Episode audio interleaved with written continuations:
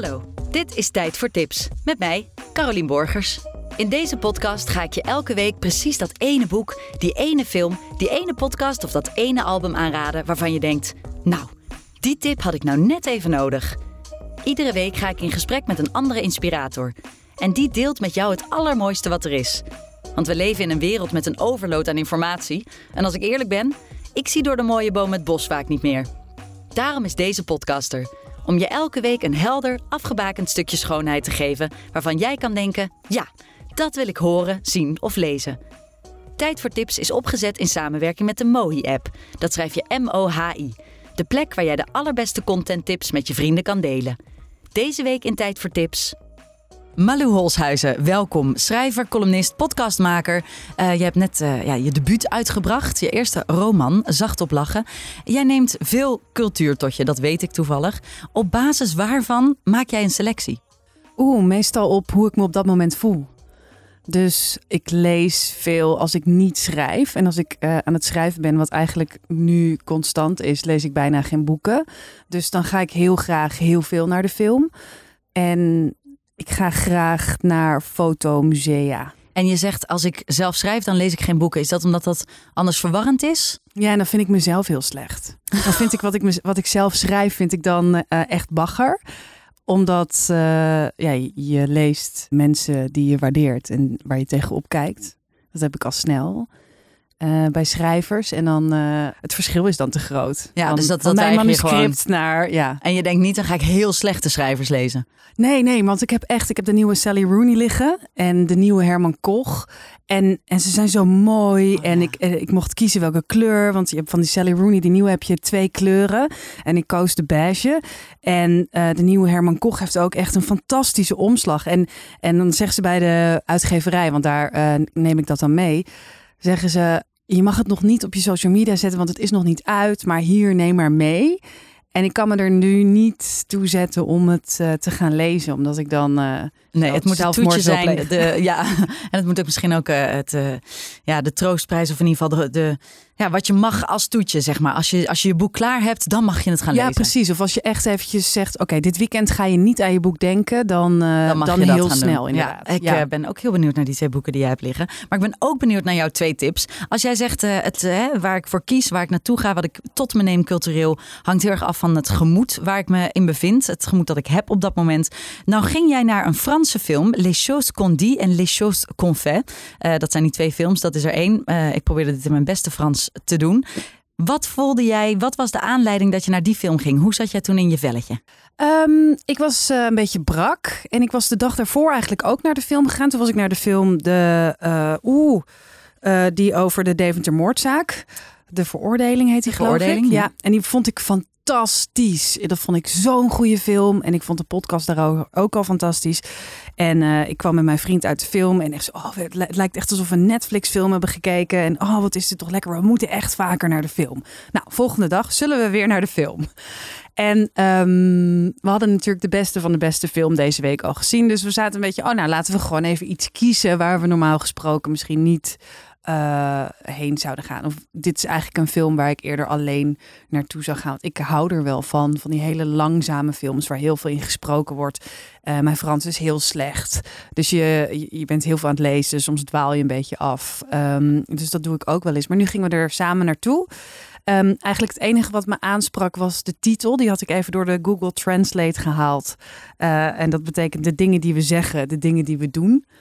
Um, dus ik dacht, ja, dat lijkt me, dat wel, lijkt iets. me wel iets. En ja. was het iets? Want je gooit eigenlijk al er een gratis tip uh, nog even bij de veroordeling. Ja. Maar, maar dit is je, je eigenlijke tip. Was het iets? Um, ik vond het een uh, hele interessante film. Ik vond het ten eerste uh, een hele mooie film. het is gefilmd ergens net buiten Parijs, in de natuur. Het is een mooi vakantiehuis. Iedereen die erin speelt, alle acteurs zijn echt waanzinnig mooi. Het is helemaal woke uh, en in balans. Uh, het is heel inclusief. Dus dan zit je al alsof je zelf die keuze hebt gemaakt.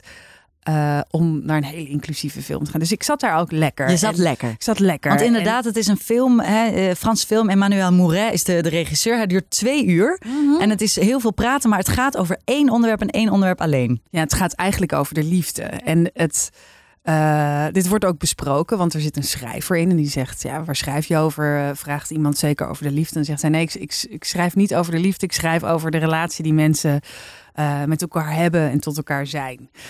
Ehm, en er zijn eigenlijk heel veel verschillende verhaallijnen. Weet je, alles komt erin voor. De wel of niet monogame relatie, sleur, seks, affaires. Ehm, het is wel uh, met een hele grote klodder intellectuele mayonaise erop, zo mm, gesmeerd. Daar moet je van houden. Ja, inderdaad. Eh, de, de muziek die opstaat. Uh, er is een ruzie en in plaats van uh, dat ze het servies naar iemands kop gooit, zijn het allemaal boeken van, van filosofen, weet je wel. Dus het is ook iets waarin je je denkt te herkennen, maar wat eigenlijk natuurlijk helemaal niet zo is. zijn, zijn er films die je aan deze film, film doen denken? Is het een beetje Love Actually? Is het Before Sunrise? Het is volgens mij een vertaling van een, een Engelse film. Dus het is... Uh, Love Affairs. Ja, dat. Die bedoel ik. Um, uh, dus het heeft wel iets Hollywood-achtigs, maar het is echt een beetje in de, nou ja, wat ik zei, door, door de intellectuele mayonaise ja. gerold. Ja. Uh, met een beetje Frans. En als je deze film kijkt en na afloop voel je je dan anders? Sta je anders uh, nou, ten opzichte van de liefde? Of? Het enige wat me echt heeft verrast is eigenlijk het vraagstuk: heb ik jou nodig om van jou te houden? Hmm, dat is een goeie. Ja. Heb ik jou nodig om van jou te houden? Ja, moet ik bij jou zijn om van jou te of houden? Of kan ik op afstand van jou houden? Ja, hm. ja ik weet niet in hoeverre ik... Uh, ik wil wel een voorbeeld noemen over wat er gebeurt in de film. Een klein, een klein zijspoor. Eigenlijk ben ik het meest verrast door een zijspoor. Dus helemaal niet door um, uh, de hoofdlijnen van het verhaal. Maar op een gegeven moment heeft uh, één meneer... dat is dan weer de man van een hoofdpersoon... die eigenlijk helemaal niet in beeld is... Ze gaan terug naar de ontmoeting. Dus de ontmoeting van uh, die man en die vrouw. En hij is getrouwd met een andere vrouw. Daar gaat hij, wil hij bij weg. Maar zijn affaire zegt: Ik wil niet dat jij bij je vrouw weggaat. Voor mij. Hmm. Op een avond komt hij thuis van zijn affaire. Zijn vrouw zit thuis op de bank en die zegt: Wij moeten praten. Ik heb iemand anders ontmoet. En ik ga bij jou weg ik ben heel erg verliefd geworden en uh, ja, wij gaan uit elkaar. En hij is dan heel erg in shock en hij is een beetje verdrietig. En daarna zegt hij vrij snel: Oh, ik heb ook iemand ontmoet. Weet je wel, allebei gelukkig. Dan komt er een ontmoeting tussen de twee stellen. Dus de twee stellen ontmoeten elkaar uh, ergens in een heel mooi huis. En hij kan fantastisch koken. en zij praten met elkaar. En dat, uh, dat gaat goed, dat is gezellig. Uh, ze nemen afscheid. En later in de film komt de man, de nieuwe man tegen. Mm -hmm. Ah. Oh. En die nieuwe man schrikt en die zegt: Wij kunnen nu niet praten, want mijn vrouw staat daar. En dat is een hele andere vrouw. Oh. Um, wat is er nou gebeurd in deze? de vrouw van de man die vreemd ging, is daarachter ja. gekomen. Dus die wist al heel lang. Haar man had een affaire met uh, die vrouw. Maar zij hield zoveel van hem dat zijn geluk zo belangrijk was voor haar. Dat zij ervoor heeft gekozen om bij hem weg te gaan en, en dat geluk niet te verstoren. Zij heeft voor zijn geluk gekozen en heeft haar eigen ongeluk daar, uh, daardoor uh, gecreëerd, omdat ze daar, daardoor bij hem weggaan. Dus het, het zet je op allerlei manieren op een andere manier aan het denken over liefde. De, de, eigenlijk de titel, als ik je zo hoor, de dingen die we zeggen, de dingen die we doen. Uh, we zijn als mensen onszelf de hele tijd verhalen aan het vertellen over hoe we ons leven willen leven, over hoe we de liefde willen zien. Wat goed is, wat fout. Wat goed ja. is, wat fout is. En uiteindelijk zit je altijd met jezelf opgescheept en, en, en maak je keuzes op basis van, ja, op basis van wat. Dat is misschien de vraag. Inderdaad, het is ook uh, de strijd tussen passie en gewoon gelukkig zijn. Ja, ja het is een monogamie tussen polyamorie. Uh, is uh, liefde serieus of niet? Um, uh, ja, kunnen boeken en films ons helpen om de liefde te verbannen? Kunnen ze het vervangen zelfs? Het is een, een film volgens mij waar je heerlijk uitkomt. Ja, dat was echt zo. Ja, ik zag ook ik zag een recensie in de Volkskrant echt net aan twee sterren. En eh, Oh ja? allemaal snobistische Fransen en eh bordkartonnen karakters.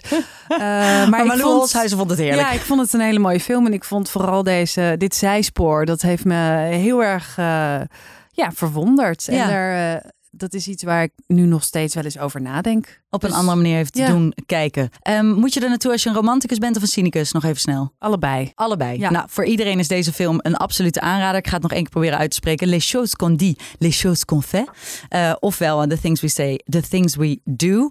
Van eh, ja, de Franse regisseur Emmanuel Mouret. En dan heb jij, eh Malou, nog een tip voor ons. Namelijk een podcast. Ja. En nou maak jij zelf podcast. Luister je dan ook veel podcasts of werkt dat hetzelfde als met boeken? Ehm, nee, ik luister wel veel podcast.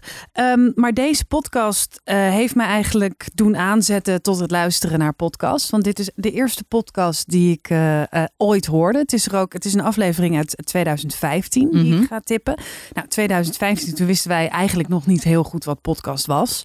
Ehm, ik kreeg toen een radioprogramma op NPO Radio 1 en dat was drie uur lang. En wij dachten, ja, wat moeten we in godsnaam gaan doen? Zijn, ja, we moeten dus reportages gaan maken of misschien kleine podcasts. Nou, toen gingen we onderzoek doen, wat is podcast? Toen kwam ik dus op een, ehm, eh, nou ja, op een, het was een soort van audio blog, Mhm. iets eh, bij Love and Radio. Het is Amerikaans. En eh, het is eigenlijk een, een full quote interview programma. Je zou het kunnen vergelijken met wat Relaas is uit Vlaanderen of Ja. echt gebeurt in Nederland. En ehm, eh, ik ging dit luisteren. En toen kwam ik bij deze aflevering die heet The Living Room. En eh, het gaat over eh, Diane. Diane woont eh, ergens in Amerika. Zij is schrijver en zij heeft net een kind van drie jaar oud. En dat slaapt tussen haar en haar man. En aan de overkant van de straat komt een nieuw stel wonen. Een heel jong stel. En zij verplaatsen de slaapkamer van de voor naar de achterkant. En zij hebben geen gordijnen. Dus in het begin is zij heel erg eh, geïrriteerd eigenlijk. Ook Want zij ziet die jonge mensen de hele tijd. zij ziet die jonge mensen de hele tijd en zij zijn voornamelijk heel erg naakt. en ze zijn prachtig. Ah. Eh, en het zijn net konijnen. Dus ze, ze doen het de hele, De dag. hele dag. En zij doet het eigenlijk helemaal niet meer. Want eh, dat kind van haar slaapt tussen haar in. Dus zij is eigenlijk ook, spreekt ze uit. Ik was bang dat mijn man werd geconfronteerd met wat hij nu mist. Ja. En zij werd heel erg geconfronteerd met wie ze ooit was en wie ze niet meer was. Dus ehm, tot ze op een gegeven moment bedenkt: eh, dit, dit heeft geen zin. Dit zijn hele jonge mensen. Hier moet ik mee leren leven. En dat is eigenlijk wat ze letterlijk gaat doen. Ze gaat er meeleven. Ze begint ja, meer op, op ze te letten. En ze begint ze in de gaten te houden. Ze worden eigenlijk onderdeel van haar leven. Ja. Ze leeft met ze. Op een gegeven moment gebeurt er iets. Ja. Ehm, wat ik denk ik voor de luisteraar nu eh, wat fijn is als ze dat niet weten. Want het is zo'n mooi verhaal. Ja. Het gaat eigenlijk over een vrouw die via haar ogen op afstand een leven leidt met mensen die haar Ja. nooit hebben ontmoet. Ja, het is een, eh, een, een hele eenzijdige relatie die ze opbouwt met haar buren. Ehm, waarvan alles gebeurt. En eh, wat dus zo mooi is aan deze podcast, is dat ehm, je voelt de schaamte. Je voelt de schaamte, want het wordt echt een obsessie. Zij, zij gaat zo met deze, met deze mensen leven eh, dat ze geobsedeerd wordt. Ook als ze op vakantie is en ze dus niet kan zien, eh, wordt ze eigenlijk gek. En ze wil eigenlijk dan naar huis. Ehm, en dat heb je als luisteraar ook. Als luisteraar denk je, stop hiermee, denk Hmm. je in het begin. Ja. Totdat je er zelf ook in zit en wil weten hoe het afloopt. Je Dus kan dus je niet haar- stoppen. Je vindt haar eerst niet zo sympathiek en op een gegeven moment begrijp je er wel. Nou ja, op een gegeven moment wil ik dat ze doorpraat. Ja. En dat ze me vertelt wat er met deze mensen is gebeurd. Dus, dus weer via een ander persoon gaan wij meeleven met dat stel, dat Ja. jonge neukende stel in die woonkamer. Ja. En, en is dit, ehm, is dit een, ehm, een vrouw die alleen vertelt of vertelt dat stel ook in deze podcast? Ehm, zij heeft het stel nog nooit ontmoet. Sterker nog, ze weet niet hoe het stel heet. Wauw. En dit is dus een podcast van Love and Radio en die heet The Living Room. Ja, is gewoon te beluisteren op Spotify. En eh, eh, er staan nog meer fantastische afleveringen op. Maar dit, deze is me altijd bijgebleven. En dit gaat dus eigenlijk allebei jouw tips gaan over, als je de, de, de common eh, ground zoekt, over de verhalen die we onszelf vertellen. Mhm. Eh, de eerste gaat daar heel duidelijk over jouw filmtip, maar dit eigenlijk ook. Dit is een, een vrouw die, die meeleeft en die dus Ja. eigenlijk eh, ook een verhaal aan zichzelf vertelt over dat leven wat ze ziet. Wat fascineert jou daar zo aan? Ehm, de schaamte voorbij gaan. Dus zij gaat op een gegeven op, op een punt gaat ze de schaamte voorbij. En dat merk je als luisteraar. En daar vind je iets van als luisteraar. En vervolgens ga je ook de schaamte voorbij. En is dat wat verhalen kunnen doen voor ik jou? denk het wel. En ik denk dat dat zowel bij de film uh, uh, zo is dat je eigenlijk heel veel sympathie krijgt voor degene die de grootste klootzak is. Ja, dat, dat is zo. Ja, zo, zo werken verhalen. Uh, ik denk dat het twee tips zijn die mensen heel erg te harte gaan nemen. Um, noem jij ze nog één keer op, lekker in het Frans? Le show qu'on dit, le show fait. Heel mooi. En? En uh, Love and Radio Living Room. Ja, de Living Room, die aflevering. Ga die luisteren. Dankjewel Malou voor je komst. Graag gedaan.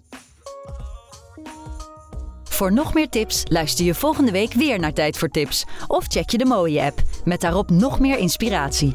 En mocht je nou zelf een waanzinnige aanrader hebben, laat me dat dan weten door een mailtje te sturen naar tijdvoortips.mooi.app.